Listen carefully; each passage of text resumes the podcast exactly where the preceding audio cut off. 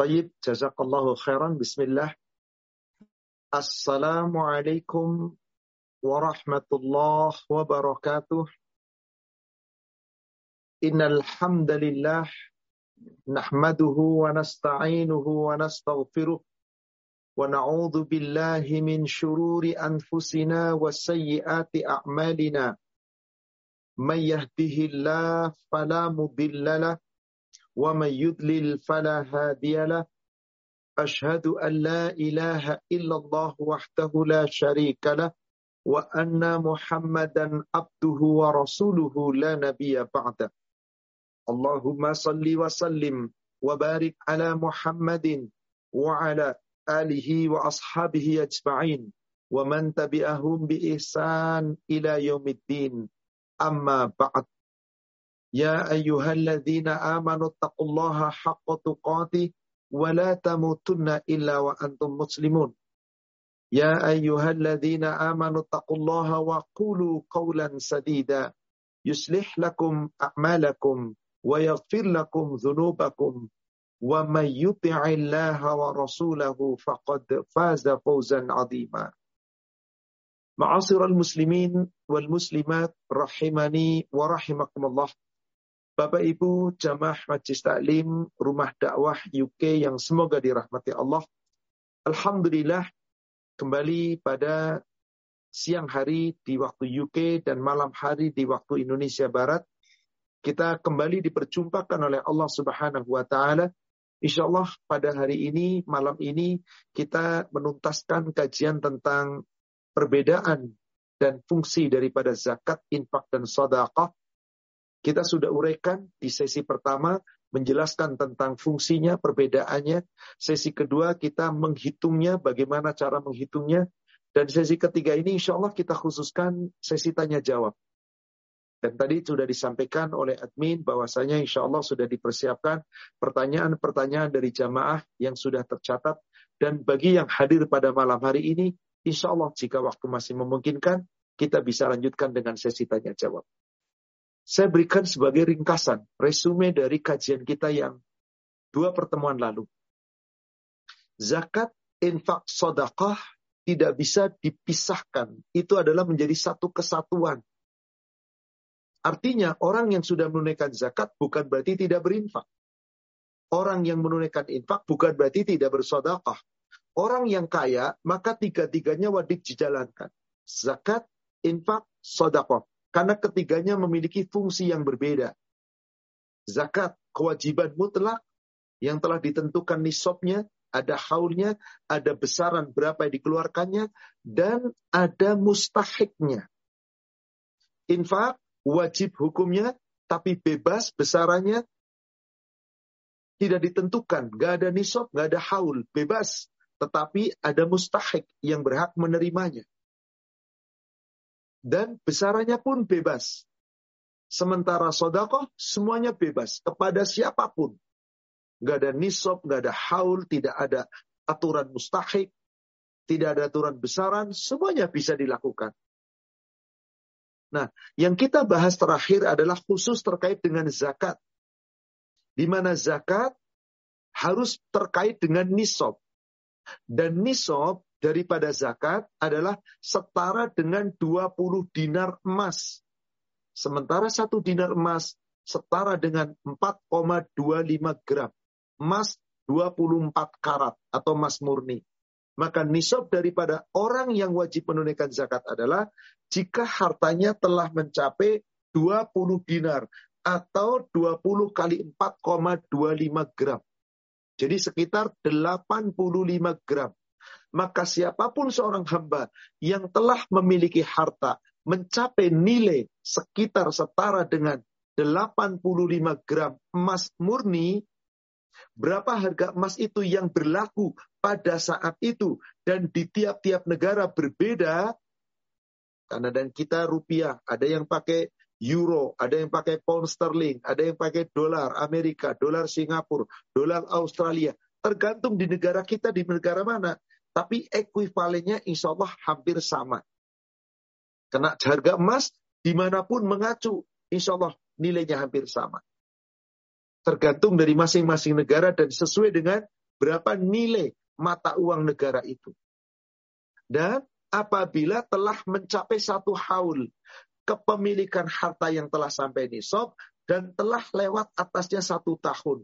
Maka sejak kepemilikan harta sampai nisab melewati satu tahun, digenap satu tahun itulah haulnya tiba, waktunya tiba.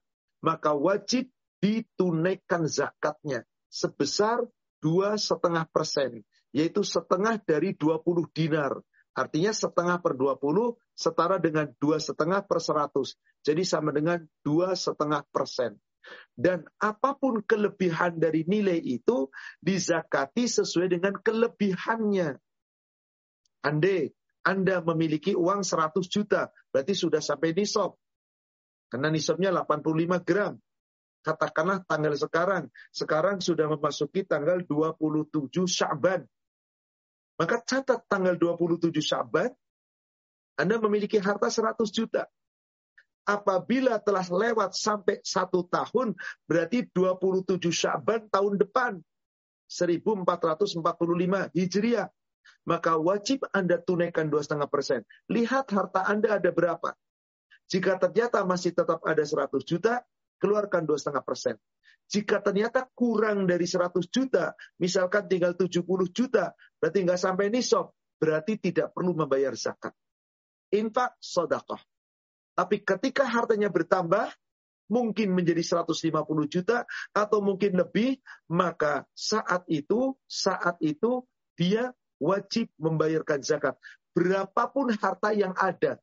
Karena nisab adalah hitungan awal, dan haul adalah mengikat dari harta nisab yang pertama. Semua lebihnya terikat dihitung bersama-sama. Ternyata hartanya 500 juta, keluarkan 2,5 persen dari 500 juta. Meskipun yang 400 juta baru saya dapatkan bulan yang lalu. Ketika sampai 27 Syaban tahun depan, baru satu bulan mengendap. Tetap dihitung secara keseluruhan. Tetap dihitung secara keseluruhan. Seperti inilah. Dan tentang zakat, sudah kami uraikan. Zakat yang diatur di dalam dalil-dalil yang sahih, berdasarkan nas-nas yang sahih, hanya ada lima. Zakat perhiasan, emas dan perak, zakat pertanian, biji-biji bahan makanan, zakat peternakan, disebut hanya tiga oleh Rasulullah. Onta, sapi, kambing, dan sejenisnya. Yang keempat, zakat dari harta yang diperdagangkan. Yang kelima, zakat rikaz, barang nemu. Maka tidak ada zakat profesi, tidak ada zakat karyawan, tidak ada zakat pegawai, tidak ada. Lalu bagaimana? Apakah mereka tidak bayar zakat? Bayar. Karena yang dibayar oleh mereka bukan profesinya, tapi hasil dari pendapatan, gajinya, dan seterusnya maka disebutlah zakatnya zakat mal. Mengacu kepada besaran emas 20 dinar atau 85 gram. Inilah resume yang bisa kami sampaikan. Agar waktunya bisa maksimal, kami kembalikan kepada admin. Mari silakan kita mulai dengan sesi tanya jawab. Ya kalau hai Ustaz, um, izin dimulai untuk sesi tanya jawabnya akan saya screen share untuk pertanyaan pertama. Begini pertanyaan Ustaz. Bismillah Pak Ustadz, izin bertanya. Eh, saya baru saja meninggal dunia. Biasanya beliau membayar zakat di bulan Ramadan. Mengingat tinggal sebentar lagi bulan Ramadan dan beliau sudah meninggal, apakah tetap ada zakat bagi harta ayah saya? Saudaraku seiman, orang yang sudah meninggal terputus. Tidak ada lagi kewajiban apa pun jadi pada hakikatnya ayah Anda tidak berhak untuk membayar zakat dan tidak ada kewajiban. Sudah meninggal. Orang yang meninggal hartanya bukan miliknya. Menjadi milik siapa? Milik ahli waris.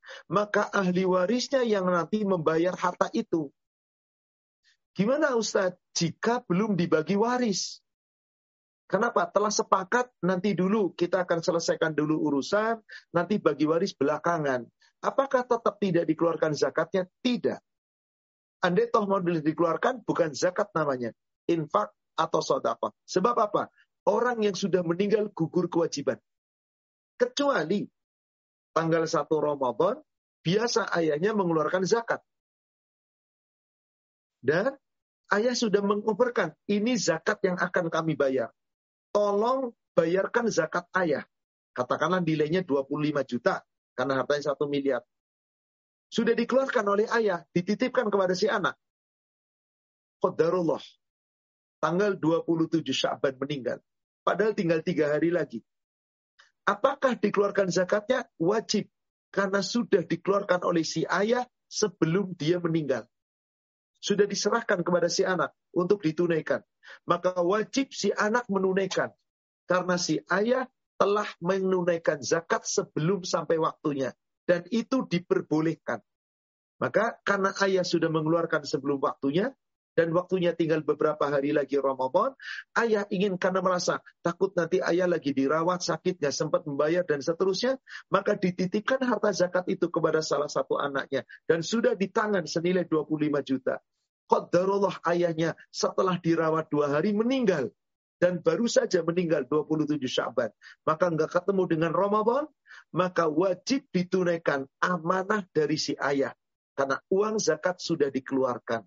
Berbeda kalau pertanyaannya pertama tadi. Uang masih ada di tabungan ayah, masih dipegang oleh ayah, belum sempat si ayah ingin mengeluarkan zakat, karena memang jatuh temponya biasa satu Ramadan, 27 Syaban meninggal, tidak perlu ada zakat.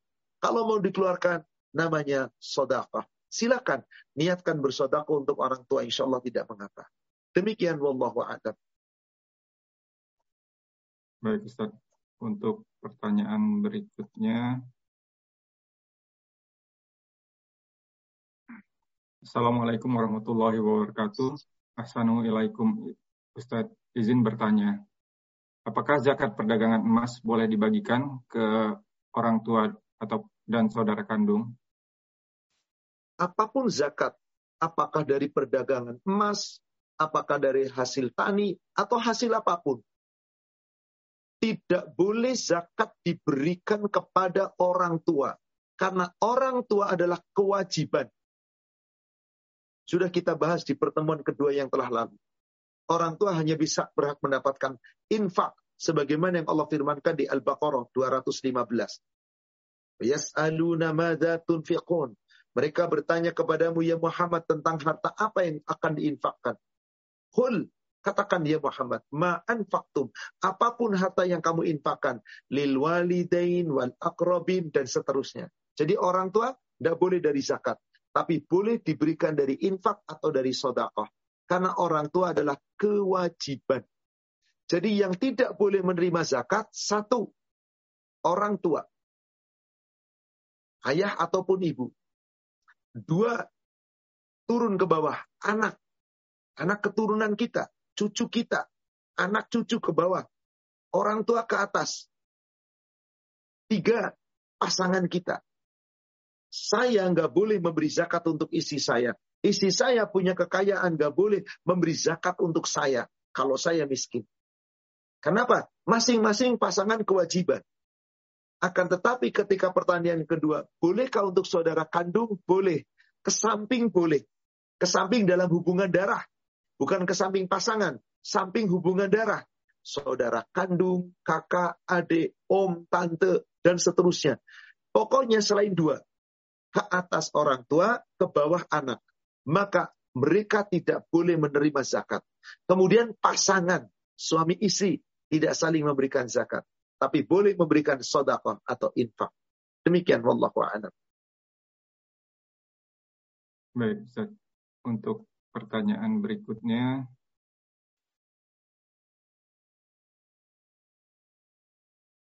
Ini Ustaz, apakah bersedekah boleh diniatkan agar sembuh dari penyakit dan agar berkah rizki? Syukron wa jazakallah khairan. Saudara sekalian, Allah Subhanahu wa taala menginginkan kepada kita, mengarahkan kepada kita, memerintahkan kepada kita. Bersedekah itu ikhlas. Karena Allah tidak perlu dengan berharap, tapi bersodakohlah dan berdoa. Boleh. Lihat surat 20 eh, surat 57 ayat 18 Innal musaddiqina wal musaddiqat wa aqrabullaha qardun hasana. Sesungguhnya laki-laki yang bersodakah dan perempuan yang bersodakah. Yang di dalam bersodakah itu akrabullah qardun hasana. Memberikan pinjaman kepada Allah dengan pinjaman yang terbaik. Maka para ulama ahli tafsir menafsirkan tentang ayat ini. Yang dimaksud bersodakoh dengan cara ingin memberikan pinjaman kepada Allah dengan pinjaman yang terbaik adalah sodakoh ikhlas. Tidak berharap apa pun kecuali hanya kepada Allah. Maka jangan Anda gantungkan, saya sodakoh biar sembuh sakit saya. Saya sodakoh biar nanti dibalas lipat ganda. Gak usah. Bismillah ikhlas. Lalu berdoa, ya Allah, engkaulah yang telah menetapkan suatu penyakit. Allahumma rabban nas, adhibil bas, washfi anta syafi la shifa'an, shifa'an la yughadiru saqama. Ya Allah, engkaulah ya Rabbnya manusia. Engkau yang telah menciptakan penyakit. Engkau yang telah menjadikan aku sakit. Ya Allah, tidak ada yang bisa menyembuhkan penyakit kecuali engkau. Sembuhkan sakitku, ya Allah. Dengan kesembuhan yang sempurna, yang tidak menimbulkan penyakit yang baru. Ya Allah jadikan sakitku menjadi penggugur atas segala kesalahan dan dosa-dosaku. Ya Allah gantilah yang terbaik. Berikan kekuatan dan kesabaran dari sakitku ini. Yang seperti ini, ini meminjamkan kepada Allah dengan pinjaman baik. Nanti Allah yang melipat gandakan. Gak usah Anda berharap, saya sodakoh biar tambah banyak. Gak usah. Jaminan Allah lipat ganda. Fayudha'ifahu lahu walahu ajrun karim. Allah melipat ganda akan balasan baginya dari sodakohnya dan baginya pahala yang mulia. Dijamin oleh Allah. Dilipat gandakan pasti. Jadi nggak perlu kita berharap, ya Allah saya ingin bersodakoh seratus ribu, biar saya dapat balasan lebih banyak. Nggak perlu. Tapi berdoalah untuk kebaikan kita, keberkahan kita, Allah berikan jaminan. Pasti dilipat gandakan. Plus dapat pahala. Jadi bersodakoh itu ikhlas. Seakan-akan apa? Sedang memberikan pinjaman kepada Allah. Nanti Allah yang melipat gandakan. Gak usah khawatir. Maka ada hadis yang dilihatkan oleh Imam Muslim dari Abu Hurairah. Rasulullah Sallallahu Alaihi Wasallam bersabda, "Mana qasat sadaqatun mimalin." Sodakohmu tidak pernah akan mengurangi hartamu. Sodakoh nggak mengurangi harta. Orang bersodakoh otomatis Allah suburkan hartanya. Jaminan Allah Al-Baqarah surat 2 276. Yamhaqullahu riba wa yurbi sodakoh. Allah memusnahkan harta riba dan orang yang bersodakoh pasti disuburkan hartanya. Nambah, nambah, nambah. Tanpa perlu kita minta, ya Allah, saya bersodakoh agar dapatnya lebih banyak. Gak usah demikian. Nanti khawatir tidak ikhlas. Khawatir tidak ikhlas. Sudah karena Allah. Lillah. Satu ayat lagi saya tunjukkan. Bahwa orang yang memberikan pinjaman kepada Allah. Bersodakoh dengan ikhlas. Yang Allah sebutkan tadi di surat 57 ayat 18. Di Al-Baqarah 245. Pun Allah sampaikan.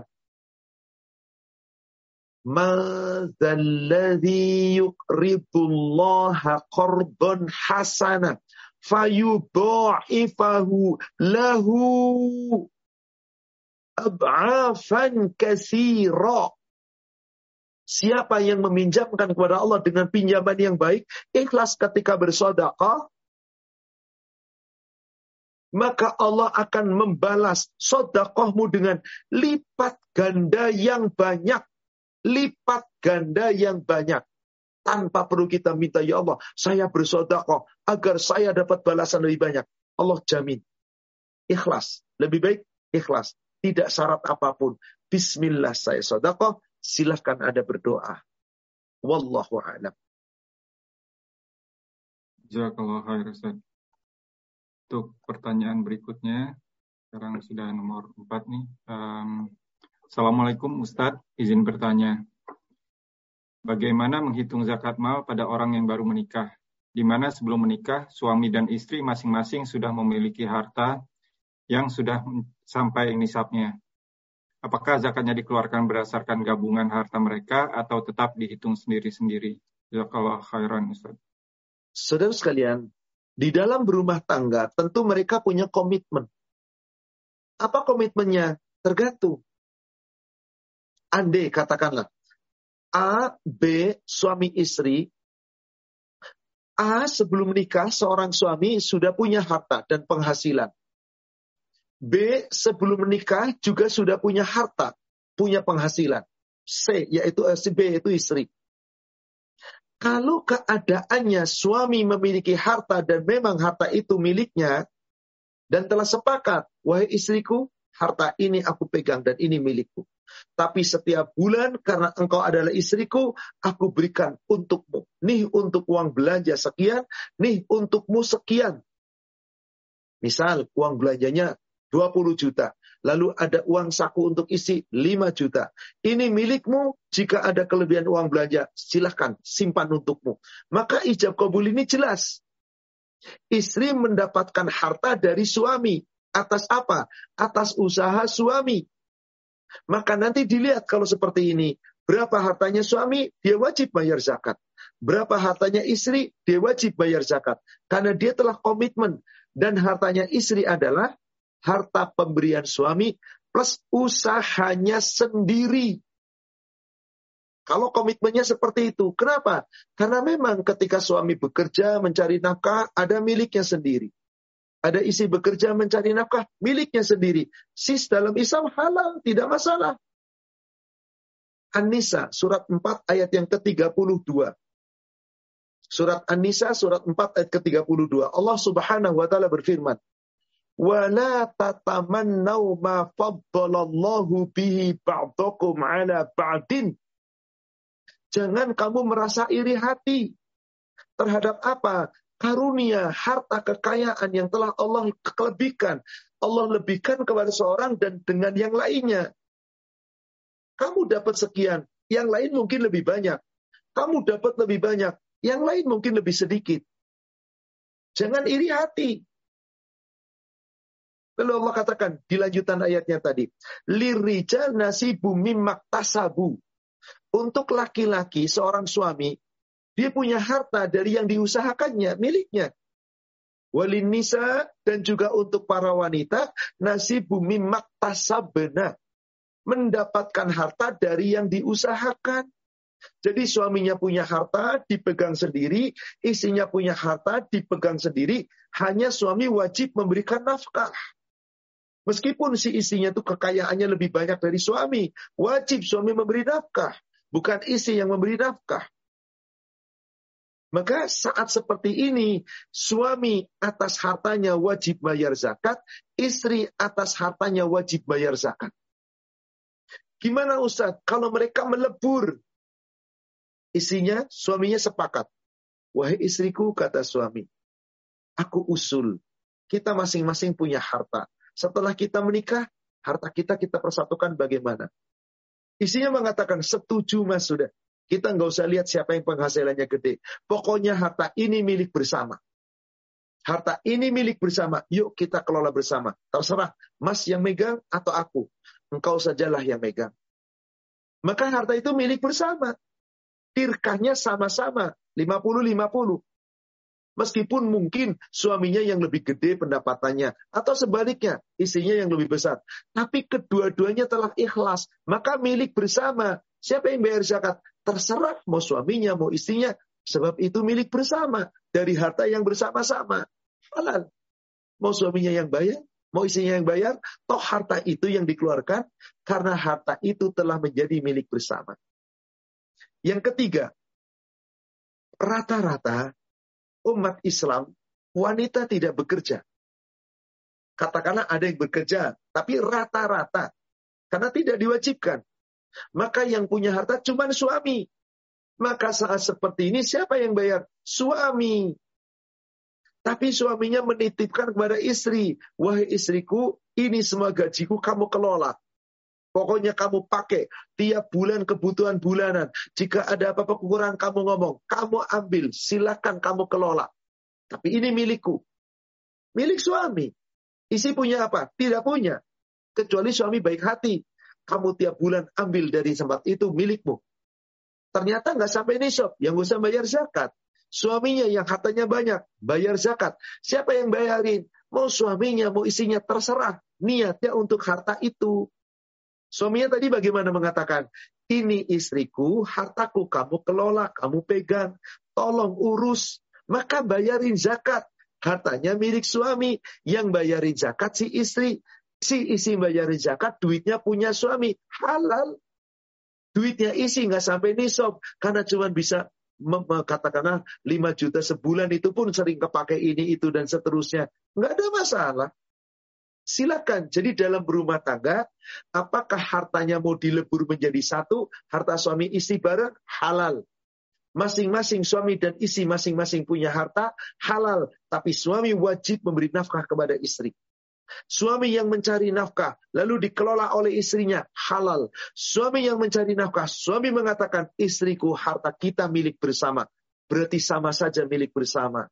Meskipun si istri tidak punya andil di sana, tidak punya sama sekali. Dia hanya mengurus rumah tangga. Suaminya begitu baiknya mengatakan, ini milik kita bersama. Halal, maka tirkahnya nanti bagi dua.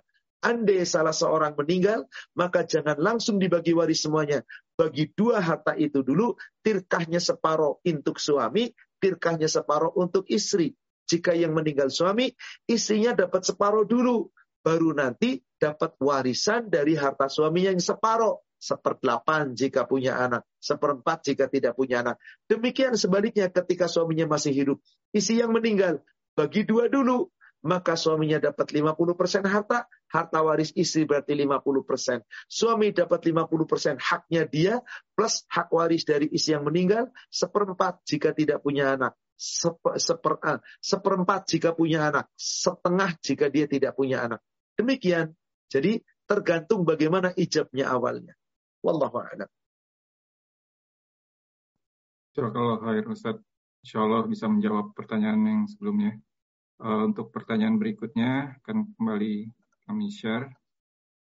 Ini digabung dua dari dua penanya nih Ustadz yang terkait uh, ini kebetulan dengan zakat profesi yang tadi sempat Ustadz singgung. Penanya nomor satu, gini Ustadz. Assalamualaikum warahmatullahi wabarakatuh. Izin mohon penjelasan lebih lanjut tentang zakat profesi, Ustadz. Besaran, nisab, dan haulnya. Dan bagaimana jika masih mempunyai hutang. Syukron. Untuk penanya nomor dua, Assalamualaikum Pak Ustadz. Saya baru tahu bahwa zakat itu dibayar sesuai haul lima tahun terakhir ini. Dahulu-dahulu sebelumnya saya selalu mengeluarkan dua setengah persen ke fakir miskin setiap bulan dari penghasilan saya. Bagaimana dengan kondisi ini Pak Ustadz? Saya tidak mengetahui tentang haul zakat ini sama sekali. Baik. Selama bekerja, perusahaan tempat saya bekerja selalu menggadang-gadangkan kepada karyawan untuk menyisikan 2,5% zakat profesi. Jadi itulah yang saya lakukan, menyisikan 2,5% dari penghasilan tiap bulan. Apa yang harus saya lakukan dengan ketidaktahuan saya yang lalu tentang zakat ini Pak Ustadz? Untuk infak dan sodakoh, saya tidak pernah lalai. Saya tidak bisa lagi melacak berapa nilai harta saya puluhan tahun lalu untuk menaikkan zakat karena tidak punya datanya lagi. Mohon sarannya Pak Ustaz. Barakallahu kepada para penanya. Pertama, ketika seseorang sudah membayar zakat dan telah wajib sampai nisab dan telah sampai haul, profesi apa pun, sekali lagi tidak ada zakat profesi, tidak ada zakat karyawan, tidak ada zakat uh, apa namanya, pokoknya nggak ada zakat namanya profesi, adanya mal. Maka apa pun profesi Anda, apa pun yang Anda lakukan, apa pun yang Anda buat dan dapat harta, sepanjang harta itu halal, maka zakatnya namanya zakat mal. Tapi pertanyaannya adalah, masih punya hutang. Bagaimana ini? Dilihat keadaan hutang, saudara sekalian.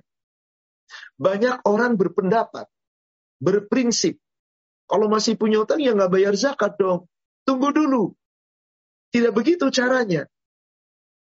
Yang jadi prinsip adalah harta Anda sampai nisab atau tidak. Dan hutang itu bagaimana cara pembayarannya? Apakah dibayar kredit, nyicil? Apakah dibayar jatuh tempo? Saya buatkan dua ilustrasi biar jelas. Saya contohkan saya. Saya karyawan. Gaji saya 20 juta per bulan. Dan saya bisa mengumpulkan harta. Katakanlah saya bisa mengumpulkan 10 juta per bulan. Akhirnya apa? Dalam kurun waktu satu tahun, harta saya sudah sampai 100 juta. Berarti saya sudah kaya, sudah sampai di nisab. Wajib bayar zakat. Kapan saya bayar zakat? Tahun depannya. Setelah sampai nisab tadi. Tahun depannya. Begitu tahun depan, duit saya tetap 100 juta. Saya keluarkan 100 juta. Dua setengah persen. Dua setengah juta. Ternyata duit saya 250 juta. Keluarkan 250 juta. Dua setengah persennya. Berarti berapa? 6 juta 250. Dan seterusnya. Qadarullah, duit saya 300 juta. Saya punya hutang itu apa namanya? Duit saya 300 juta. Saya punya hutang 250 juta karena saya baru beli rumah. Dan saya tidak kredit. Saya utang sama saudara saya. Saya janji satu tahun, saya akan bayar. Duit saya 300 juta. Qadarullah Ramadan tanggal 10 besok saya harus bayar. Duit saya 300 juta. Saya punya utang 250 juta. Qadarullah jatuh temponya pertengahan Ramadan. Tanggal 15. Sementara saya sekarang punya uang 300 juta. Tanggal 10. Dua cara. Ketika tanggal 10 itu duit 300 juta masih di tangan saya, wajib saya keluarkan zakatnya. Wajib saya keluarkan zakatnya dari 300 juta. Maka berapa sisanya? 300 juta kan tujuh setengah juta keluar zakatnya. Berarti duit saya berapa? 292 juta setengah. Tanggal 15 saya punya kewajiban membayar hutang. Saya lunasi hutangnya. Nih 250 juta. Beres. Saya sudah bayar zakat. Bersih harta saya. Jangan bisnis sama Allah. Jangan hitung-hitungan sama Allah. Ingat tadi, Al-Baqarah 245 dilipat gandakan lipat ganda yang banyak. Aman sudah. Tetapi di saat saya membayar 10 juta eh, tanggal 10 Ramadan, ini nih menjelang awal Ramadan, saya pilah-pilah. Saya keluarkanlah 250 juta untuk tanggal 15 Ramadan. Saya tidak tahu nanti saya masih hidup atau tidak. Saya sisihkan sekarang, saya wasiat kepada istri saya. Tolong andai kata saya nggak bisa hidup sampai tanggal 15 Ramadan, ini zakat, ini harta 250 juta, bayarkan kepada saudara saya. Saya punya utang. Rumah yang kita beli ini supaya lunas sekaligus saya punya utang 250 juta. Maka tolong pegang amanah, andai kata terjadi apa-apa dengan saya, maka keluarkan zakatnya. Keluarkan zakatnya. Maka ternyata qadarullah saya masih hidup sampai 10 Ramadan. Uang 250 juta sudah saya keluarkan. Udah nitip sama istri. Tinggal dibayarkan tanggal 15. Berarti saat itu uang sudah tidak di tangan saya. Dan sudah diniatkan untuk melunasi. Maka saat itu uang saya di tabungan tinggal 50 juta. Nggak usah Anda bayar zakat. Ya sampai ini sok. Tapi maaf, Anda jangan licik pikirannya. Ah, saya nanti bayarin sekarang ah, tapi masih saya pegang. Biar saya nggak usah bayar zakat. Kan duit saya cuma 50 juta. Padahal masih di tangan Anda. Allah Maha tahu. Maka zakat itu kejujuran. Maka kata Rasulullah mengatakan, andai kata ada seseorang membayar zakat dengan ikhlas, maka diterima sebagai pahala untuk membersihkan harta dan jiwanya, dan Allah lipat gandakan dan hartanya bersih. Siapa yang tidak mau membayar zakat, maka akan diambil hartanya separohnya, 50% dirampas, zakatnya pun tetap diambil. Sebagai perintah yang keras. Maka zakat itu kejujuran. Anda nggak boleh curang sama Allah.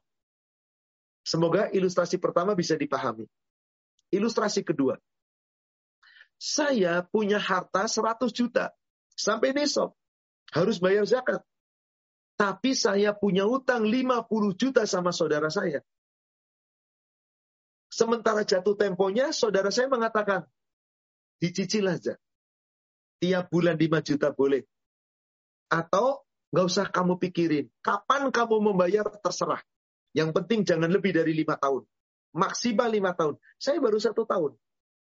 Saya masih punya utang 50 juta. Andai saya mau lunasin sekarang, beres. Gak ada masalah. 50 juta. Duit saya tinggal 50 juta. Maka saya nggak bayar zakat. Tapi karena saudara saya mengatakan cicil aja tiap bulan. Saya cicil 5 juta sebulan. Duit saya masih ada shop. Sampai maka begitu jatuh tempo saya bayar zakat. Jangan ngomong, saya punya utang 50 juta sama saudara. Anda nyicil bayarannya. Demikian pula ketika saya nggak nyicil. Ah nanti aja deh, dia kasih waktu lima tahun, nanti tahun keempat bismillah. Maka tidak boleh Anda mengatakan, saya nggak bayar zakat. Kenapa? Duit saya cuma 100 juta, utang saya 50 juta. Berarti saya nggak sampai nisab. Kan Anda belum melunasi hutangnya. Anda belum diminta untuk melunasi. Anda belum jatuh tempo. Maka di saat seperti itu, duit masih menjadi milik Anda. Bayar zakatnya. Maaf saudara sekalian, cuma dua setengah persen. Jangan hitung-hitungan. Allahu Akbar. Anda mobil punya mobil, bisa jadi pajak Anda berapa tiap tahun? Saya yakin mobil Anda yang harganya di atas ratusan juta bisa jadi minimal 5 juta. Kenapa Anda ikhlas keluarkan tiap tahun? Untuk zakat Anda hitung-hitungan sama Allah. Berhati-hatilah. Semoga dengan dua ilustrasi ini bisa dipahami dari pertanyaan pertama. Jadi tidak serta-merta orang punya utang nggak bayar zakat. Boleh jadi dia tetap wajib bayar zakat jika seperti ilustrasi yang saya sampaikan tadi. Pertanyaan kedua, Ustaz, Qadarullah. Selama ini saya tidak tahu ilmu zakat. Baru lima tahun terakhir saya kajian, saya baru tahu. Selama ini kantor kami memberikan semangat. Mari berzakat. Sehingga tiap bulan dipotong zakatnya dua setengah persen. Inilah salah kaprah yang dianggap baik. Sudah saya jelaskan di pertemuan yang lalu. Mana ada zakat dua setengah persen setiap bulan? Nggak ada keterangannya. Kalau zakat profesinya memang tidak ada, tapi mal dia miliki. Maka pertama, apakah Anda yakin ketika dipotong 2,5% oleh perusahaan sampai kepada yang mustahik, tepat sasaran, sesuai dengan peraturan zakat? Anda harus tanya. Anda harus tanya kepada perusahaan tadi. Ke mana ini? Untuk apa? Tepat sasaran enggak? Mustahiknya benar apa enggak? Gak boleh sembarangan. Kalau nggak tepat sasaran, dosa itu perusahaan. Tanggung jawab di hadapan Allah. Anda sudah tahu nggak tepat sasaran, nggak amanah, tetap menunaikan. Anda ikut dosa. Karena menitipkan amanah kepada orang yang khianat. Tapi mari kita lupakan, sudah terjadi. Semoga Allah mengampuni kesalahan dan dosa Anda yang telah lalu. Sejak lima tahun tadi mengatakan, sudah mulai tertib. Tapi yang lalu-lalu gimana Ustadz? Saya tidak lagi bisa mengira-ngira. Setahun-tahun yang sebelumnya, setelah sebelum lima tahun, berapa harta saya yang belum saya keluarkan, sedangkan seperti ini dan seterusnya. Baik, anggaplah ini pemutihan dari Allah. Bukankah Allah akan mengampuni dosa seseorang karena kebodohan? Yang penting segera tobat. Perhatikan surat An-Nisa. Surat An-Nisa, surat 4 ayat yang ke-17. Innamat taubatu Allah lilladzina ya'maluna su'a bijahalah. Sesungguhnya tobat yang akan diterima Allah adalah tobat orang-orang yang berbuat dosa. Selama ini dosa dia. Nggak bayar zakat sesuai dengan aturan itu dosa. Karena wajib ini rukun Islam. Tapi karena jahalah, bodoh. Bodoh dalam hal ilmu agama. Belum mengetahui, belum belajar. Semoga dimaafkan. Yang penting, lihat lanjutan ayatnya. Summa, kemudian, ya tubuna min qarib. Segera tobat. Maka tobat Anda insya Allah menghapuskan dosa yang lalu. Apakah perlu bayar zakat yang lalu-lalu? Tidak penting, tidak perlu. Bertobat kepada Allah sejak saat lima tahun lalu sudah tertib, Sampai sekarang banyak-banyak kita sodakah. Banyak-banyak kita infak. Dan bertobat kepada Allah atas dosa yang telah lalu. Banyak-banyak kita baca doa. Di Al-Baqarah 286. Rabbana la tu'akhidna Inna sina au aftokna. Ya Allah jangan kau hukum kami apabila kami berbuat salah karena tidak tahu, karena tidak sengaja, karena tak tersengaja. Ya Allah aku nggak tahu ilmunya. Semoga dimaafkan. Insya Allah. Demikian. Wallahu a'lam. Baik Ustaz, uh, untuk pertanyaan berikutnya, uh, begini Ustaz, ini kembali di-share. Assalamualaikum Ustaz, bagaimana zakat harta emas yang dimiliki ibu sementara beliau sudah sepuh dan tidak berpenghasilan? Apakah menjadi tanggung jawab anak-anaknya? Mohon pencerahannya Ustaz. Saudara sekalian, kata-kata sudah sepuh, tidak punya penghasilan, sudah pensiun, nggak ada lagi suaminya. Ini talbis iblis saya katakan. Godaan iblis. Orang punya harta tidak dilihat sudah bekerja, masih kerja atau tidak, pensiun atau tidak, nggak punya penghasilan atau tidak. Yang penting duitnya ada berapa di tangan dia. Jadi tolong, jangan mentang-mentang sudah tua, ini saya belum menjawab pertanyaan ini apa. Saya sedang menjawab secara keseluruhan. Ada yang berpendapat demikian. Dan beberapa kali saya membahas zakat, ada jamaah, Ustadz orang tua saya sudah pensiun, kalau dibayar zakatnya nanti lama-lama habis. Ada yang berargumen demikian. Dia punya harta cuma 200 juta Ustadz, kalau dikeluarkan zakatnya tiap bulan, nanti kan lama-lama habis. Logika benar. Hawa nafsu setan mengatakan benar, lama-lama habis. Tapi hukum Allah, Anda tidak boleh curang dan tidak boleh bermain-main. Anda tidak boleh curang. Selama harta Anda sampai nisob, itu tidak ada kata Anda tidak bekerja lagi, ini cuma pensiunan, duit saya cuma sekian. Yang penting Anda sudah sampai nisob hartanya, telah sampai haul, wajib dikeluarkan. Lama-lama habis, tidak. Anda kata sudah di bawah nisob, yang gak usah zakat lagi. Andai sudah di bawah nisab, kan gak zakat lagi. Gak habis toh. Habis Ustaz untuk hidup sehari-hari. Jangan salahkan Allah dong. Anda yang memakai. Jangan Anda berlaku curang. Baik, pertanyaannya. Ustadz, ibu saya punya emas. Lihat berapa? Hartanya beliau berapa? Cuman emas saja atau ada yang lain? Kalau cuman emas saja, lihat sampai nisab enggak? Nah sampai ini sok Ustaz, cuma 80 gram, tapi perhiasan, bukan yang 24 karat. Nah, sampai ini sok. Karena perhiasan cuma berapa persen kira-kira? Sekitar 75 sampai 80 persen paling tinggi. Maka harganya jauh di bawah. Maka seharga emas perhiasan itu sampai nisab enggak setara dengan berapa tadi? 85 gram emas murni. Nilainya setara apa tidak? Enggak usah. Kalau begitu tidak sampai, enggak usah bayar zakat. Karena perhiasannya nggak sampai nisab. Jika hartanya hanya itu. Tapi Ustaz, ternyata perhiasannya cuma 50 gram. Tapi cuma ada emas batangan Ustaz. Emas yang yang eh, 100 gram, 50 gram, 20 Dia punya 20 gram, kepingan 5. Berarti 100 gram. Ya satu kesatuan dong. Berarti hartanya apa? Telah sampai nisab. Karena ada 100 gram yang batangan, atau yang yang tadi gram bukan perhiasan, ada 50 gram perhiasan. Atau digabung. Harta emas yang eh, bukan perhiasan, batang, 60 gram. 20 gram kali 6.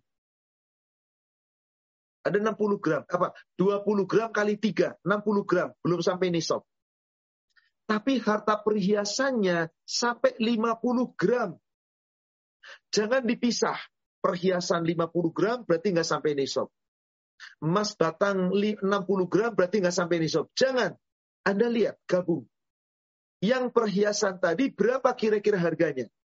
Setara nggak dengan 35 gram emas murni atau dengan 20 dengan 20 gram, 25 gram kan nisabnya 85. Tadi sudah punya emas yang murni 60. Berarti 25. Yang 50 gram emas perhiasan itu setara nggak dengan 25 gram emas murni? Harganya. Oh lebih tinggi Ustaz. Berarti sampai nisab. Andai cuma itu, wajib keluarkan zakatnya. senilai emas dua setengah gram. Dua setengah persen dari total. Ternyata setelah tahun ketiga, karena diambil zakat, dua setengah persen, dua setengah persen, kali empat tahun sepuluh persen. Hartanya sudah di bawah nisab, nggak usah zakat. Nggak usah zakat. Beres. Tetapi andai kata harta orang tua Anda yang sudah pikun tadi, sudah sebut tadi, bukan cuma emas, semuanya digabung. Uangnya ada berapa? Yang di tabungan, yang di deposito, harta-harta yang likuid, ada berapa totalnya? Perhiasannya, yang kemudian emas batangannya, total. Lalu siapa yang bayarin zakat? Ibu Anda sudah sepuh, sudah pikun, nggak mungkin bisa mengeluarkan sendiri. Anda sebagai anak yang mengeluarkan zakatnya, minta izin sama ibunya. Ibu, ibu hartanya sekian loh, ini saya hitung ini. Harta ibu nilai rupiahnya sekian, ini ada uang dolar sekian. Ibu punya perhiasan sekian, punya emas batangan sekian. Jadi ibu masih wajib bayar zakat ya bu ya. Kami bantu keluarkan ya bu ya. Enggak mudeng ibunya, diem, enggak ngerti apa-apa. Bismillah zakat. Karena dia hartanya. Zakati. Anda yang membayarkan zakat dari harta itu. Bukan anaknya yang membayar zakat lalu dari duit si anak. Tapi anaknya pengen seperti itu Ustadz. Nah, caranya jangan begitu. Caranya adalah kasih harta untuk si ibu sebagai sodakoh, infak. Bu, aku punya harta nih. Tapi kan harta ibu perhiasan. Perhiasan harus zakat ibu. Ibu nggak punya harta yang lain. Perhiasan ibu ada sampai 100 gram loh. Emas batangan ibu 50 gram loh. Jadi totalnya kira-kira diekuivalenkan 120 gram. Maka dua setengah persennya ibu harus keluarkan zakatnya ya. Tapi nggak ada. Nih saya kasih hadiah uang buat ibu. Ibu bayarkan zakat dari uang ini. Beres. Jadi caranya seperti itu. Sodakoh dari anaknya untuk si ibu, si ibu yang kemudian mengeluarkan zakat dari hasil sodakoh uang anaknya. Demikian. Supaya apa? Jelas uangnya ibu disodak, dizakati ya oleh si ibu. Adapun karena sudah pikun, diwakilkan oleh anaknya. Apakah dari hartanya si ibu? Boleh. Apakah dari hartanya si anak? Boleh.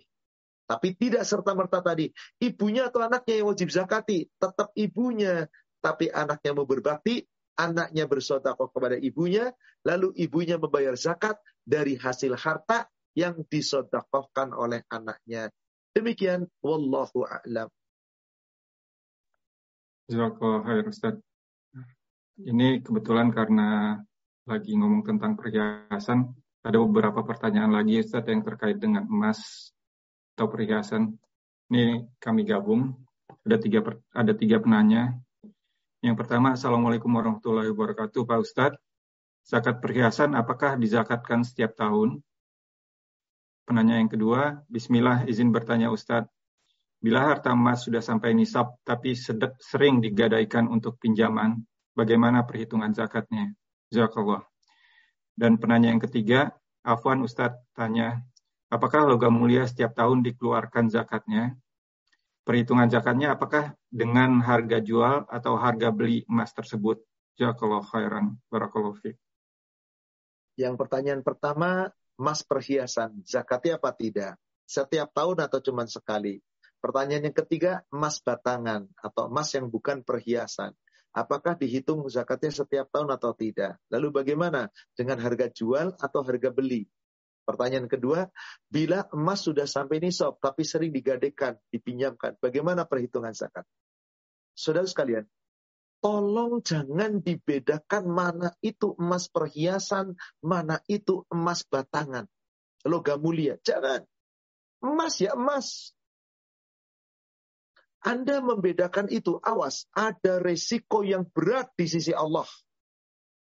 Saya tunjukkan dulu dalilnya dalam ayat Al-Quran. Surat At-Taubah surat 9 ayat ke-35. Itu adalah ancaman Allah di ayat ujung ayat 34-nya.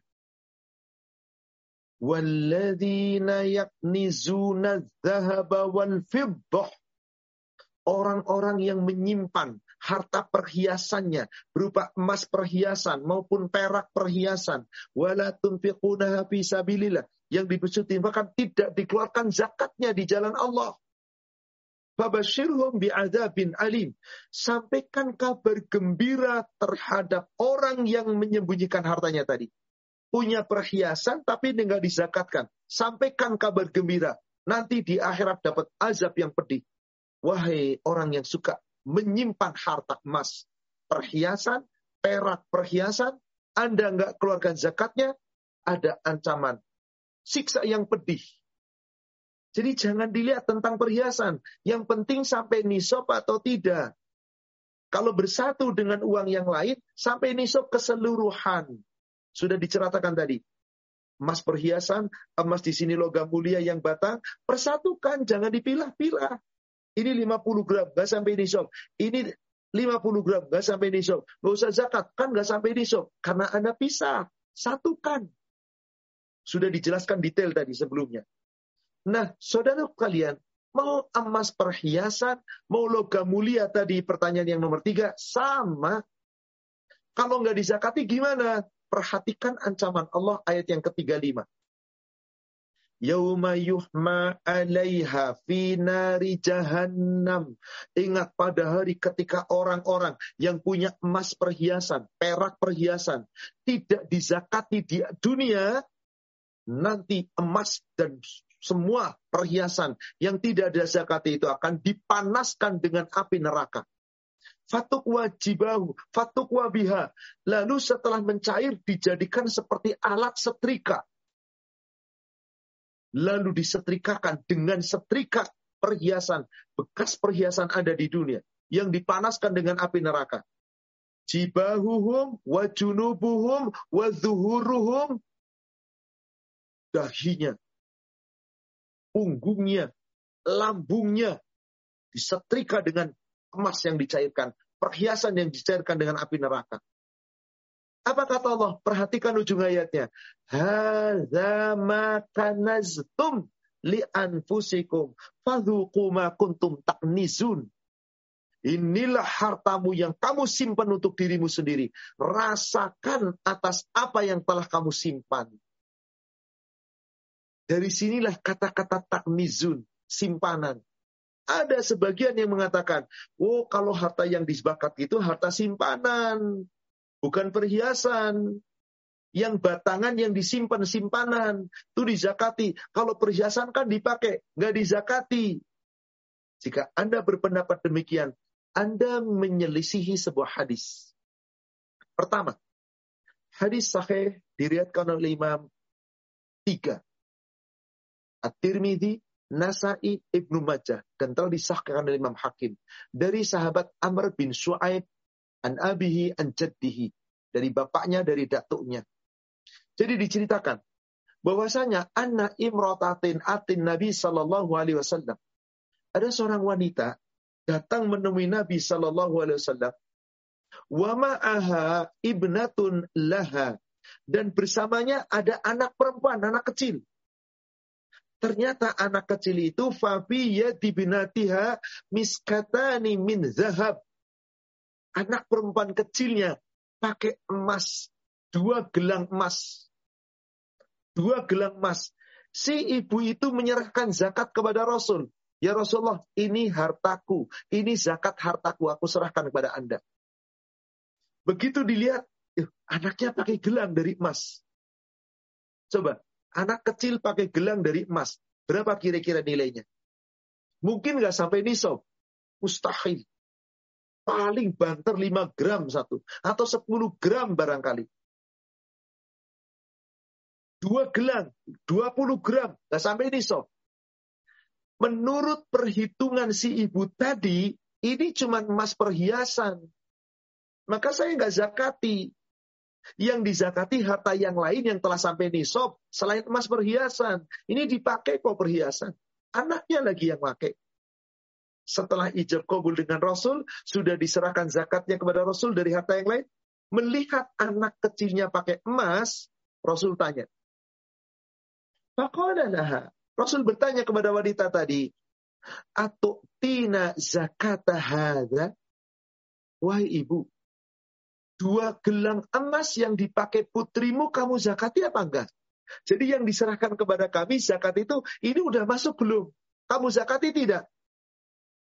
Apa jawabnya? Faqalat. Perempuan tersebut kemudian mengatakan, La, tidak ya Rasulullah. Itu tidak aku zakati. Cuman emas perhiasan. Dipakai anakku. Qala Rasulullah bersabda, ayusarruki an yusawwiraki Allahi bihima qiyamah siwaraini min nar. Hai ibu, jika kamu tidak keluarkan zakat dari perhiasan anak yang dipakai anakmu tadi, apakah kamu mau nanti oleh Allah dipakaikan dua gelang dari api neraka di akhir? Mendengar kata-kata itu nggak panjang kalam diambil gelas gelang dari anak kecilnya tadi, langsung, ya Rasulullah, aku sodakohkan semua. Ya Rasulullah, aku sodakohkan semua. Satu. Kedua, Ummu Salamah sendiri. Hadis riwayat Imam Abu Daud, Ad-Darqutni, dan telah disahkan oleh Imam Hakim. Dari Ummu Salamah, isi Rasul. Ummu Salamah sebelum menikah dengan Rasul, punya suami namanya Abu Salamah. Abu Salamah pernah memberikan hadiah kepada istrinya Ummu Salamah, perhiasan. Harta emas yang mencapai nisab. Salah satunya kalung yang dipakai oleh dirinya. Dan setelah menikah dengan Rasul, disimpan hartanya. Dan dia pakai kalung perhiasan. Lanya sama Rasul.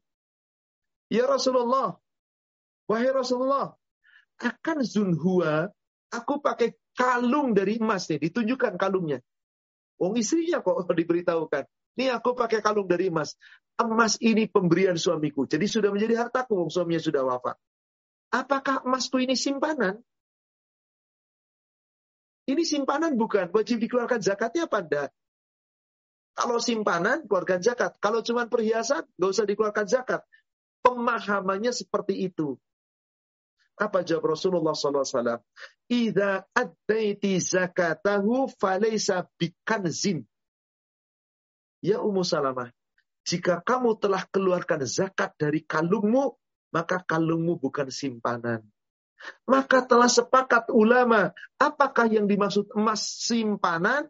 Emas yang kamu tidak keluarkan zakatnya jika dia telah sampai nisab atau bersatu dengan harta yang lain telah sampai nisab.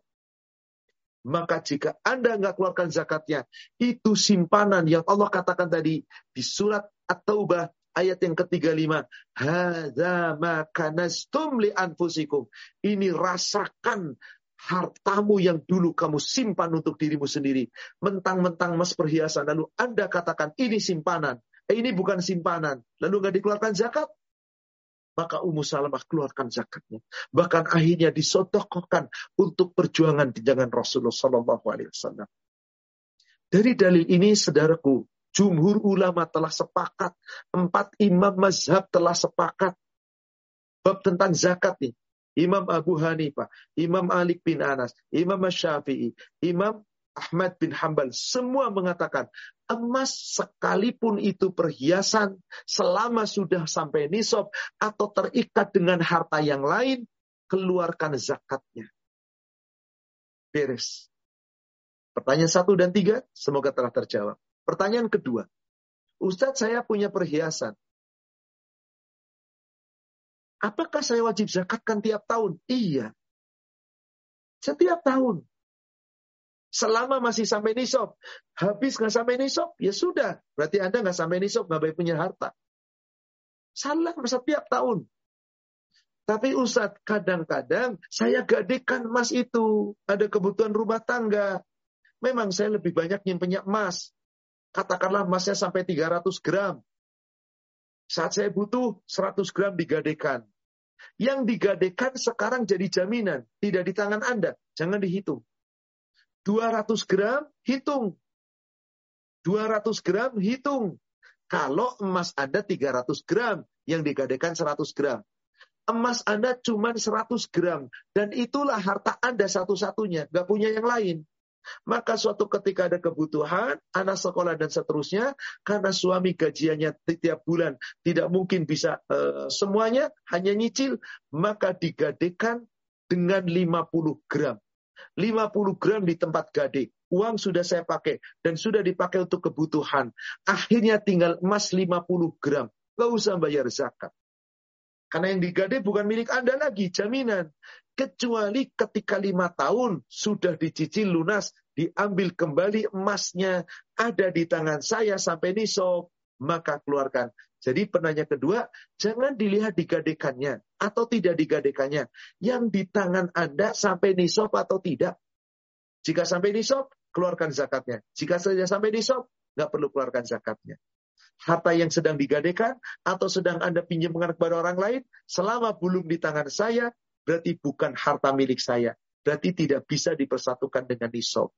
Demikian, wallahu a'lam. Baik Ustaz, baik Ustaz, Jazakallah khair.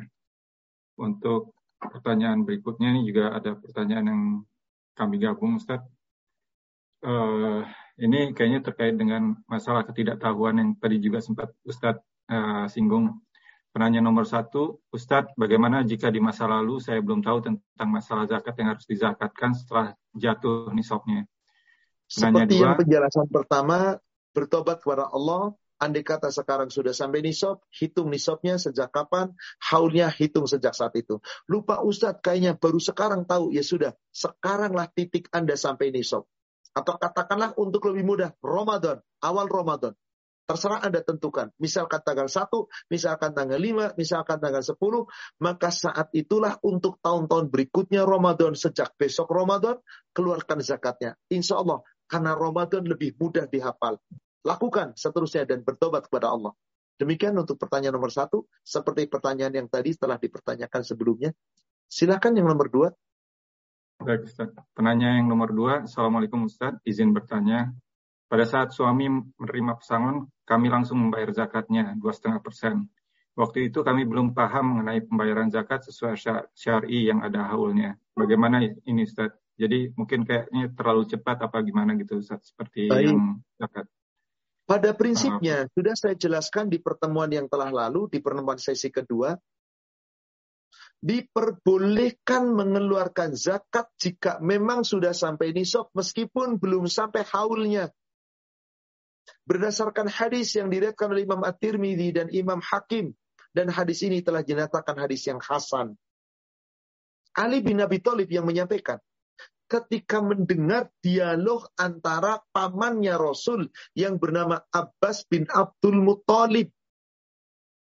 Ternyata Abbas bin Abdul Muthalib sedang datang menemui Rasul. Saat itu apa? Rasul sedang membutuhkan zakat ontak untuk jihad visabilillah. Zakat apa? Bahan makanan, kurma dan yang lain. Untuk apa? Untuk sebagai bekal orang-orang yang berjihad visabilillah. Abbas bin Abdul Muthalib ternyata punya harta yang cukup banyak. Tetapi harta itu belum jatuh tempo haul untuk dikeluarkan zakatnya. Sedangkan saat itu butuh untuk jihad visabilillah.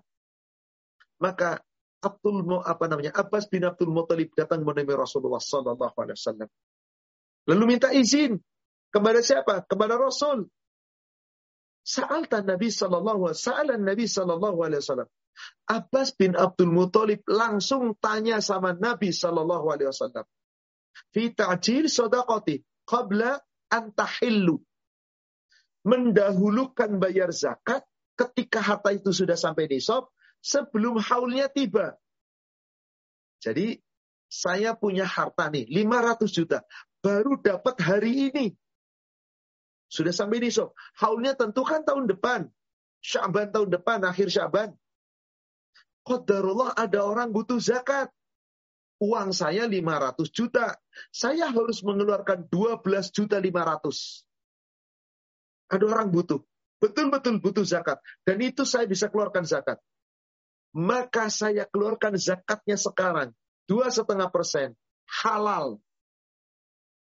Kenapa? Minta izin fitajil dalam mendahulukan membayar zakat qabla antahilla sebelum haulnya sampai. Farakhasalahu fi zalik. Rasul memberikan rukhsah untuk urusan itu. Dalil ini sahih. Hasan sahih. Maka boleh dipakai.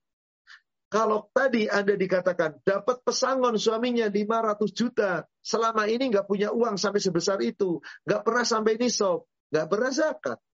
Tiba-tiba pesangon 500 juta. Langsung dikeluarkan zakatnya 2,5 persen. Halal. berarti Anda sudah tidak punya hutang zakat. Tahun depan, setelah mengendap satu tahun, nggak usah zakat lagi. Kapan zakatnya? Tahun berikutnya. Kenapa? Ada diperbolehkan. Bahkan di sesi kedua yang lalu, di bulan lalu saya sudah ilustrasikan. Andai kata Anda mencicil. Anda punya uang 500 juta, 12 juta 500 zakatnya. Dan Ramadan nanti tahun depan. Misal, sekarang sudah Ramadan. Ramadan tahun depan. Tapi banyak yang butuh. Saya sudah mulai nyicil. Kadang keluarkan satu juta, kadang keluarkan dua setengah juta. Ternyata setelah saya tata, saya sudah keluarkan zakat 9 juta. Begitu jatuh tempo haul, duit saya 500 juta. Saya kan harus bayar zakat 12,5 juta. Potong 9 juta yang sudah saya cicil. Halal. Bukan dipotong tiap bulan gajian, terus kalau dipotong tiap bulan gajian, Anda seakan-akan sudah bayar zakat. Harta Anda yang lain belum dibayar zakatnya. Jangan begitu caranya. Jadi lihat tiap tahunnya, haulnya, keluarkan berapa harta Anda seluruhnya, begitulah dikeluarkan setiap tahun terus sepanjang masih sampai masih ada sampai nisab. Demikian wallahu a'lam. kalau. Untuk pertanyaan berikutnya, uh, kali ini ada dua penanya dan sepertinya pertanyaan sekitar tentang mustahik nih Ustaz. Penanya nomor satu, Bismillah, izin tanya. Ada saudara pinjam uang cukup lama dan sebagian sudah dicicil. Makin ke sini nampak tidak ada keinginan untuk membayar, biarpun kalau dilihat sebenarnya cukup mampu. Sebaiknya diberikan saja sebagai infak, apa boleh sebagai dihitung sebagai zakat, Ustaz? Dan Jadi yang ijab penanya, kobul, ijab kobul pertamanya itu tadi memberikan utang. Ya, sepertinya Ustaz. Oke, baik. Saya buatkan ilustrasi dengan Ahi karena saya bisa berkomunikasi. Antum memberikan uang zakat kepada saya, eh, memberikan pinjaman kepada saya. Saya saudara antum. Atau saya orang lain, pokoknya ngasih pinjaman. Katakanlah pinjem dua setengah juta sama antum. Saya janji, saya bayar, saya nyicil. 500 juta sudah pernah saya nyicil. Masih punya utang 200 2 juta.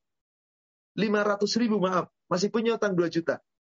Tapi rupa-rupanya sepertinya saya nggak nggak punya keinginan untuk bayar, padahal mampu. Lalu antum niatkan kepada saya, sudahlah, yang nggak dua juta nggak dibayar itu menjadi zakat. Kira-kira pertanyaannya begitu ya? Iya, sepertinya. Oke. Yang saya tangkap juga begitu. Baik. Kira-kira menurut antum boleh nggak begitu? Saya ingin sebelum saya jawab hanya diskusi. Boleh nggak menurut antum? Waduh. Saya juga mungkin bertanya nih Ustaz. Um, ya. Kalau mungkin ter, dilihat yang yang minjam ini sebenarnya kategorinya termasuk yang mustahik yang di yang dulu pernah uh, Ustaz jelaskan Oke, atau bukan baik. gitu yang zakat. Anggap si orang ini kalau tadi kan penanya kan dia sebelumnya mampu, kaya kan berarti kan? Ya, yang memberikan Oke, pinjaman. Ya. Boleh nggak orang kaya dapat zakat? Tidak. Ketika harus sampai nisab. Haram, tidak boleh. Sekarang pertanyaannya saya balik. Orang itu saya betul-betul nggak mampu. Saya punya hak untuk menerima zakat. Fakir, saya miskin. Ya. Sehingga saya nggak mampu bayar zakat. Eh, saya nggak mampu mengembalikan kepada antum.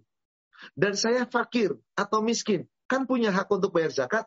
Untuk ya. menerima ya. zakat saya boleh nggak kalau begitu keadaannya antum, Afan? Kelihatannya boleh, Ustaz. Kelihatannya boleh. Gak apa-apa. Ini diskusi ini hanya untuk membuka wawasan. Kelihatannya. Berarti kalau kelihatannya antum belum tahu kan ilmunya kan kira-kira begitu. Bolehkah? Um. Tidak boleh.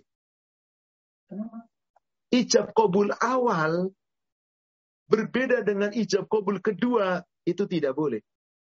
Afan, ketika antum memberikan pinjaman kepada saudara antum, kira-kira niatnya apa?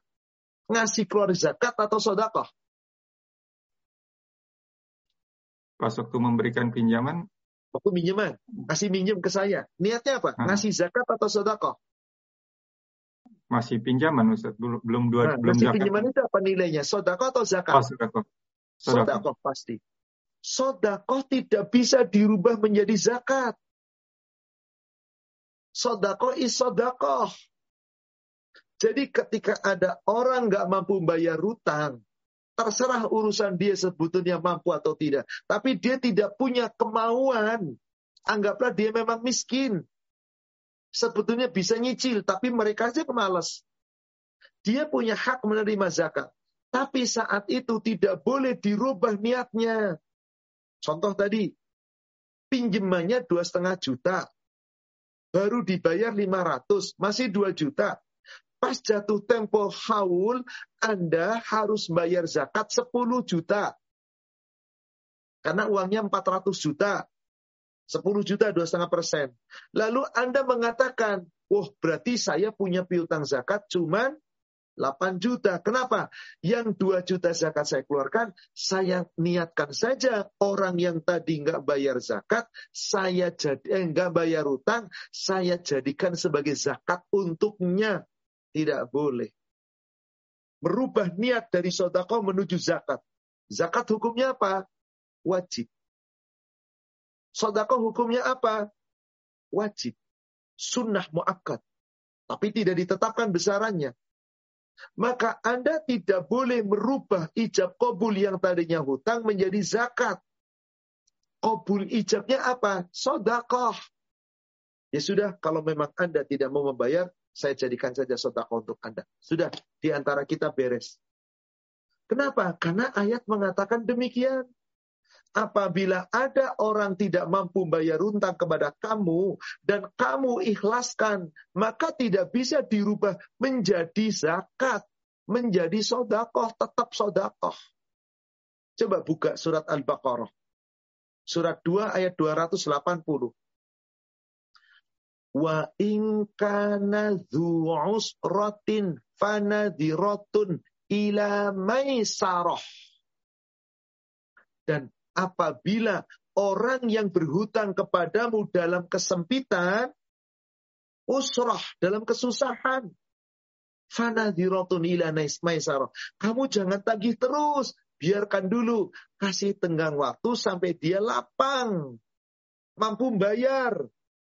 Qadarullah nggak mau bayar juga. Allah alam mampu atau tidak. Atau nggak mampu bayar memang. Perhatikan ujung ayatnya.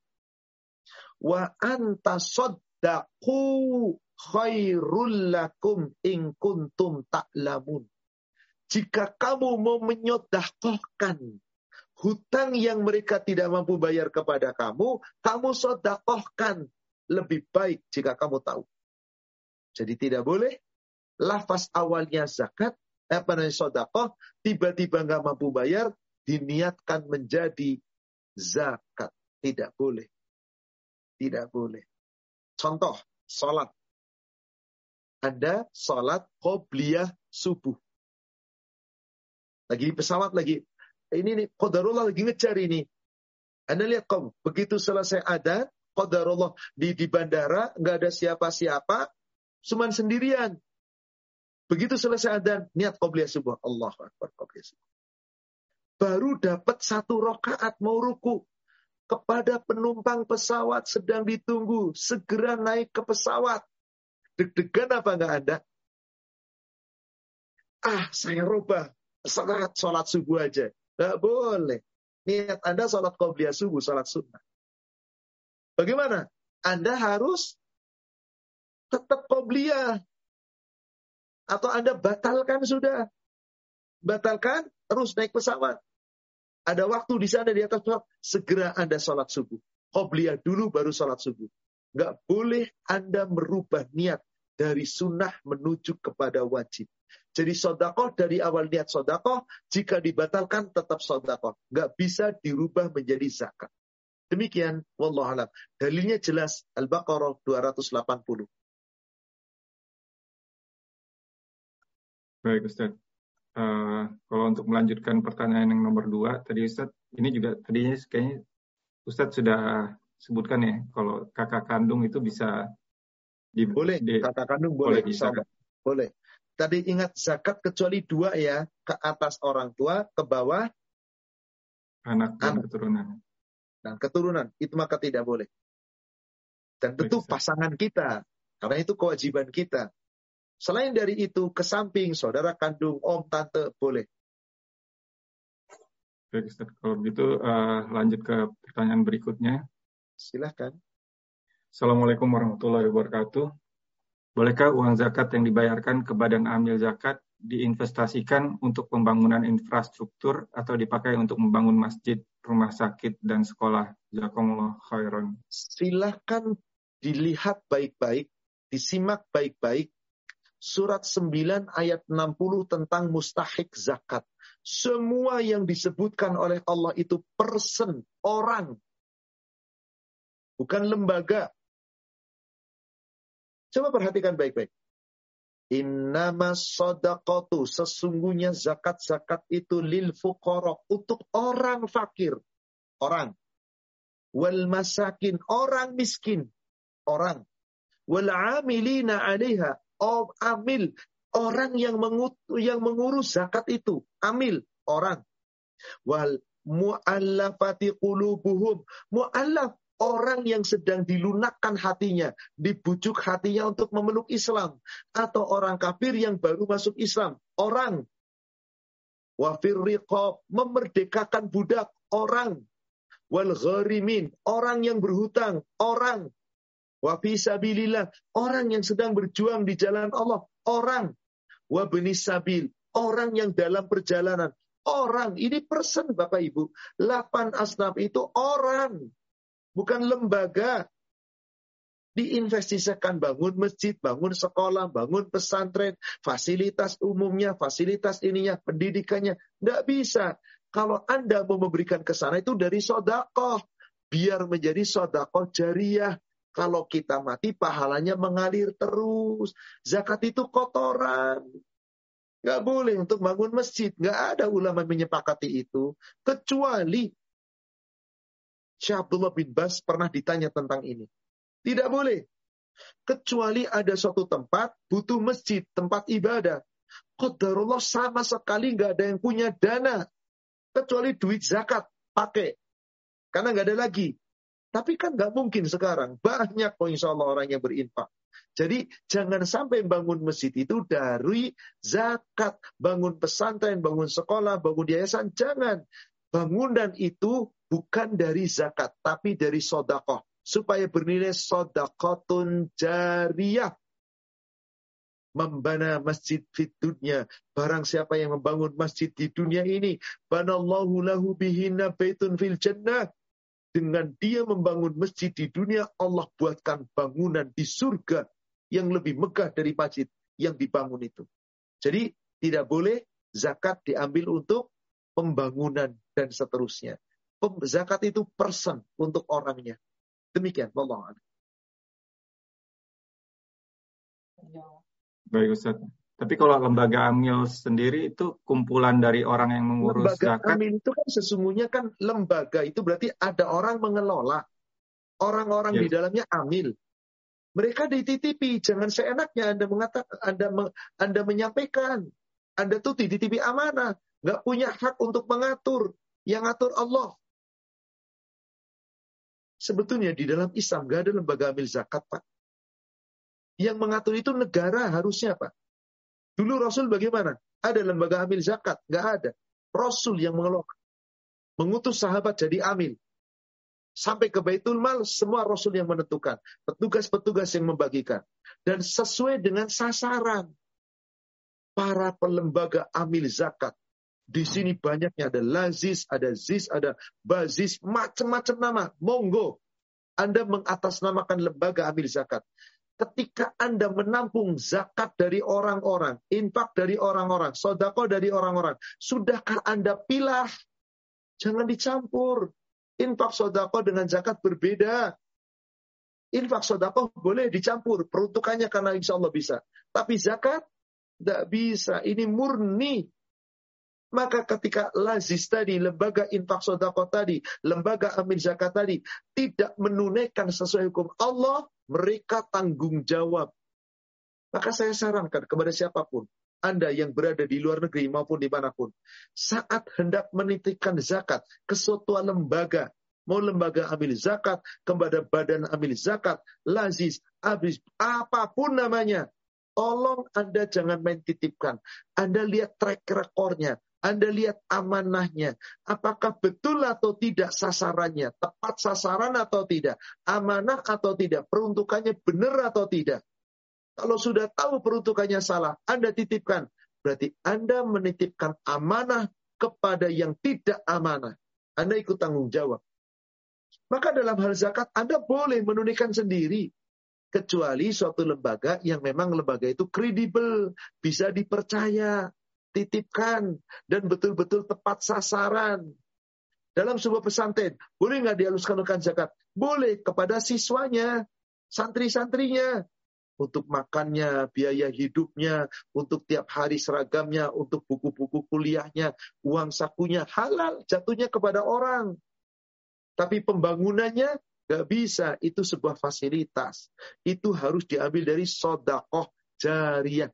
Biar pahalanya mengalir terus. Demikian. Jadi silazis tadi, lembaga ambil zakat tadi yang harus tepat sasaran.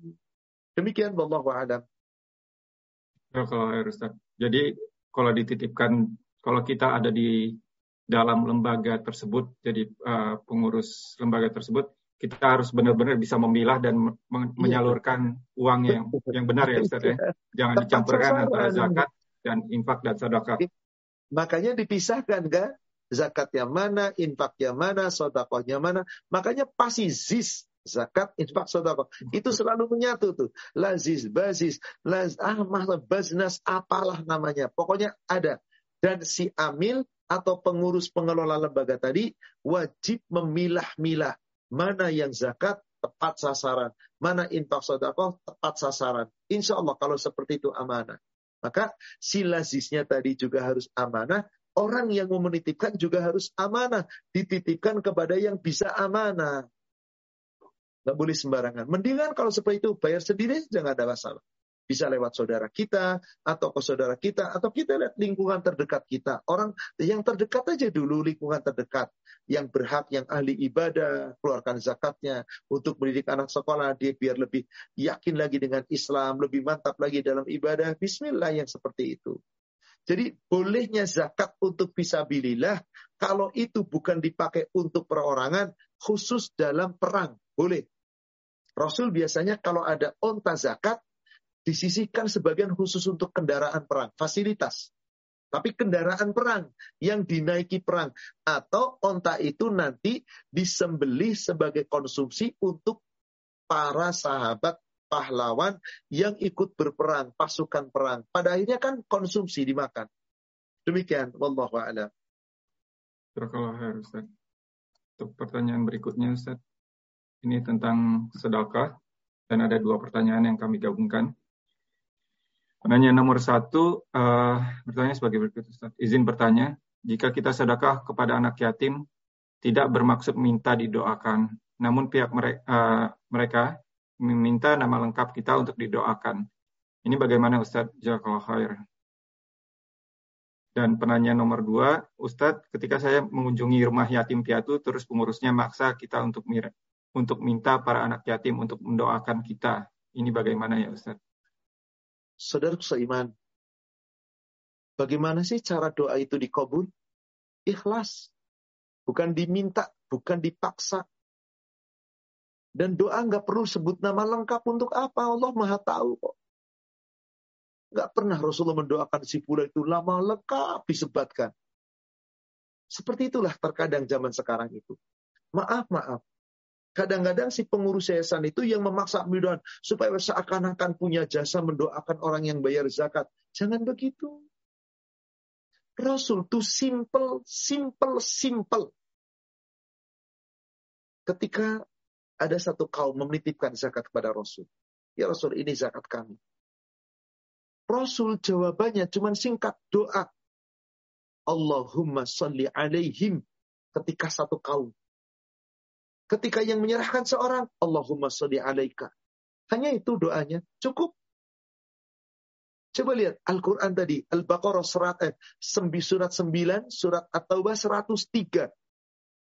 Khudh min amwalihim sadaqatan tutahhiruhum wa tuzakkihim biha fasalli alaihim. Doakan mereka, salli alaihim. Doakan mereka, salawat kepada mereka.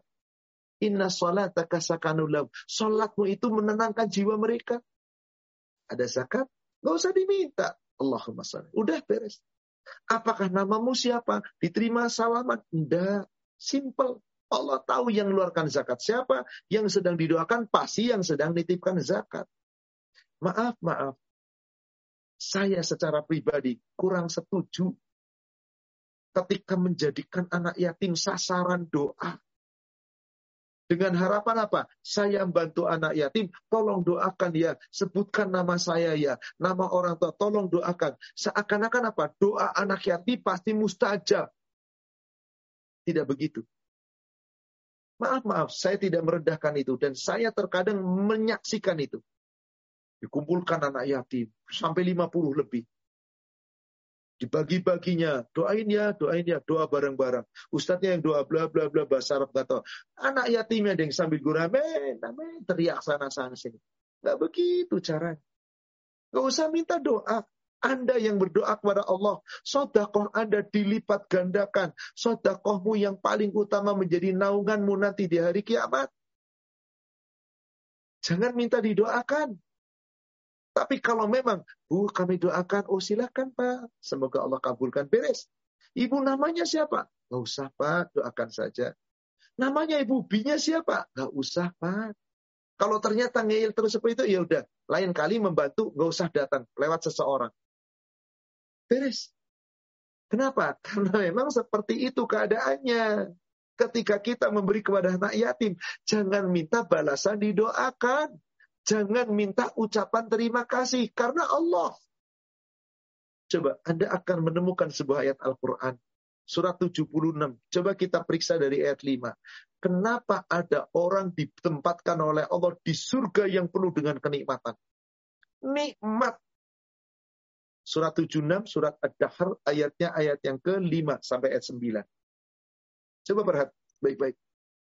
Innal abroyo abrara yashrabuna min ka'sin kana mizajuha kafura. Sesungguhnya orang-orang yang abror, yang berbakti kepada Allah, yang taat kepada Allah, yang berbuat selalu kebaikan kepada Allah, kelak di surga akan diberikan minuman dari gelas-gelas berisi minuman yang campurannya air kafur, air mata air surga yang rasanya bisa apa saja yang Anda inginkan. Mau rasa jahe, mau rasa khomer, mau rasa susu, mau rasa madu, semuanya Allah akan berikan. Aina yashrubu biha ibadullah. Itu adalah mata air di surga yang mengalir, yang diminum oleh hamba-hamba Allah. Yufajirunaha tafjiro. Air mata air surga itu mengalir dengan sebaik-baiknya. Dan apa pun rasanya Anda inginkan, bisa Anda nikmati. Kenapa kok bisa demikian? Ah, perhatikan ayat yang ke-8-nya. Wa yut'imuna ta'am. Mereka itu memberi makan. Mereka itu bersodakoh. Ada hubbihi dari harta yang dicintainya. Miskinan kepada orang-orang miskin. Wa yatiman kepada anak-anak yatim. Wa asiro kepada orang-orang yang dalam kesulitan. Dalam tawanan. Dalam kesusahan. Gak bisa bekerja. Karena fisik dan yang lain. Perhatikan baik-baik saudara sekalian. Ayat ke-9. Tolong perhatikan ini. Innama nut'imukum liwajhillah la nuridu minkum jazaan wala. Ketika Anda membantu, ikhlas. Sesungguhnya aku memberikan kepadamu sodakoh ini, makanan ini, ini semuanya. Saya tidak minta apa-apa darimu. Gak minta balasan, gak minta ucapan terima kasih. Jangan minta didoakan, sudahlah, biarlah Allah nanti yang akan memberikan. Kalau mereka mendoakan dengan ikhlas itu yang terbaik. Karena fada'uhu bi ikhlas. Apabila doa itu doakan dia dengan ikhlas. Jangan diminta. Kecuali tidak ada kaitan saling memberi. Pak Ustadz, keluarga saya sedang sakit, tolong doakan. Bismillah, doakan dengan ikhlas. Minta didoakan boleh, tawasul namanya. Tapi Anda bersodakoh kepada anak yatim, tujuannya biar didoakan. Berarti Anda bukan tawasul. Ada tujuan supaya didoakan. Coba Anda sudah ngasih tiap anak yatim sejuta, 50 anak yatim. Anak yatimnya kabur, Ustaznya bukan langsung nggak doain. Sebelah apa nggak Anda? Ya udah dikasih nggak didoain. Kalau begitu Anda nggak ikhlas. Jadi tolong jangan manfaatkan anak yatim, saudara sekalian. Mereka hamba Allah yang patut kita kasih sayangi. Bukan yang kita harapkan doanya, bukan. Kalau toh mau mendoakan, sudah. Maaf doakan ibu ya supaya Allah memberikan kekuatan. Dan gak usah di depannya, yuk kita doa. Gak usah, doakan ya. Udah gitu aja. Orang yang paham insya akan mendoakan. Ini yang terbaik. Apabila ada yang tidak sepakat dengan saya, tidak ada masalah. Allah alam. Tiap perbuatan kita, nanti Allah yang menilai. Baik, silahkan. Maaf, saya kasih dua pertanyaan lagi, Pak. Ini waktunya Allah sudah jam setengah sepuluh. Um, ya Ustaz, ini tadi ada yang resen, Mbak Tati, jadi mau bertanya Mbak Tati? Silahkan di resen lagi Mbak Tati kalau mau bertanya langsung.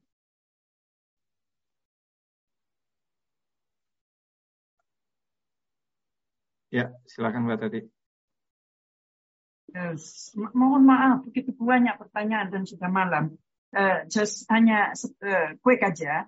Uh, Bismillah. Uh, bagaimana dengan saham yang uh, belum uh, belum kita belum lihat uh, harganya berapa, hasilnya berapa, tapi masih tetap ada investment di situ. Terus zakat gimana? Saya tidak pernah menzakat di setiap tahun karena saya tidak tahu. Saya tidak ngerti, to, to be honest, terus terang, Ustaz. Gimana ini keadaannya begini? saya dilema kalau membahasnya tentang zakat, tentang saham. Oh. Karena tidak cukup hanya bahasan zakat. Harus dilihat dulu oh. sahamnya itu apa. Bagaimana halal atau haram, halal eh, atau riba. Insya Allah, insya Allah, insya Allah semua nah, halal. Kalau ibu sudah mengatakan ini yang halal, saham hmm. saya halal, tertulis halal. Insya Allah, saya, saya kan tidak tahu dengan pasti, walaupun okay. dia bilang ini tidak untuk ini, tidak ini untuk kemanusiaan. Okay, baiklah, saya anggap halal. saya anggap halal. Insya Allah. Makanya saya tidak berani menjawab kalau tidak. Karena ibu telah mengatakan halal dan saya anggap halal, ya, maka ya, kita, kita. saham yang Anda miliki berapa persen di sana? Ada berapa di sana? Anda tidak tahu harganya, tapi Anda itu harta yang liquid kapan pun bisa ambil. Hmm. Perkirakan saja. Contoh, saya punya saham 10 lembar. Satu lembarnya senilai sekian. Tapi fluktuatif, nggak tahu berapa nilainya saat ini. Anda perkirakan saja berapa yang berlaku nilai hari itu. Maka ada 10 lembar, kalikan. Maka itu keluarkan zakatnya.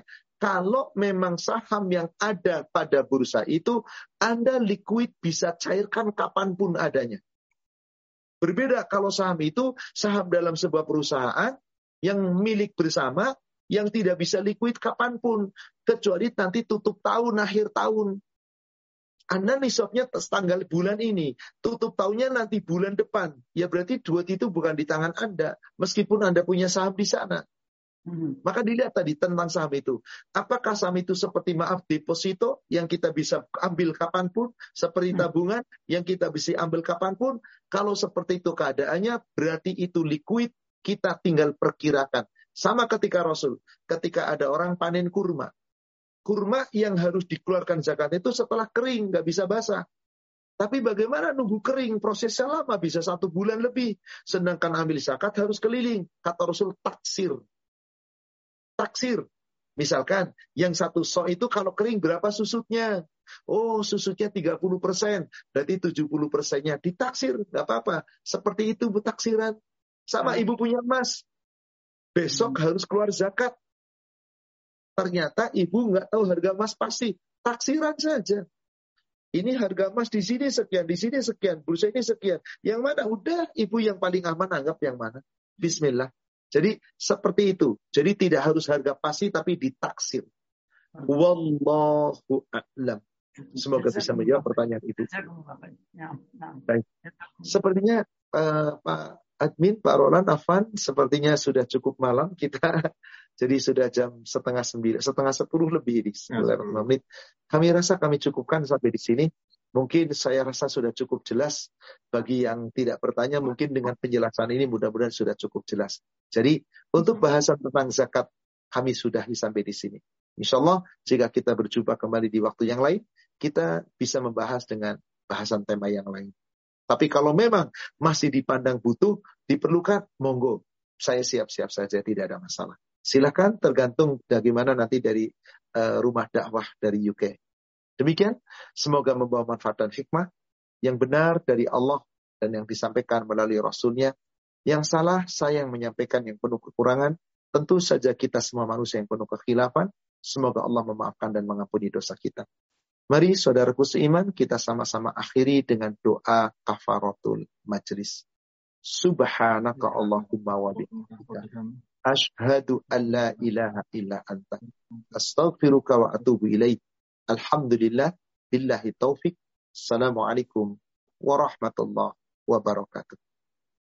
Waalaikumsalam warahmatullahi Baik, kepada admin dan para jamaah sekalian, jazakumullahu barakallahu fikum.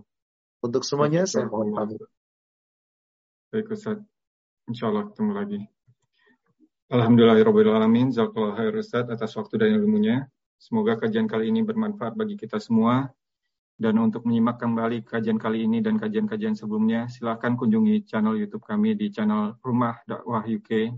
Kami dari panitia mohon maaf jika ada kekurangan dan kesalahan. Barakallahu fikum.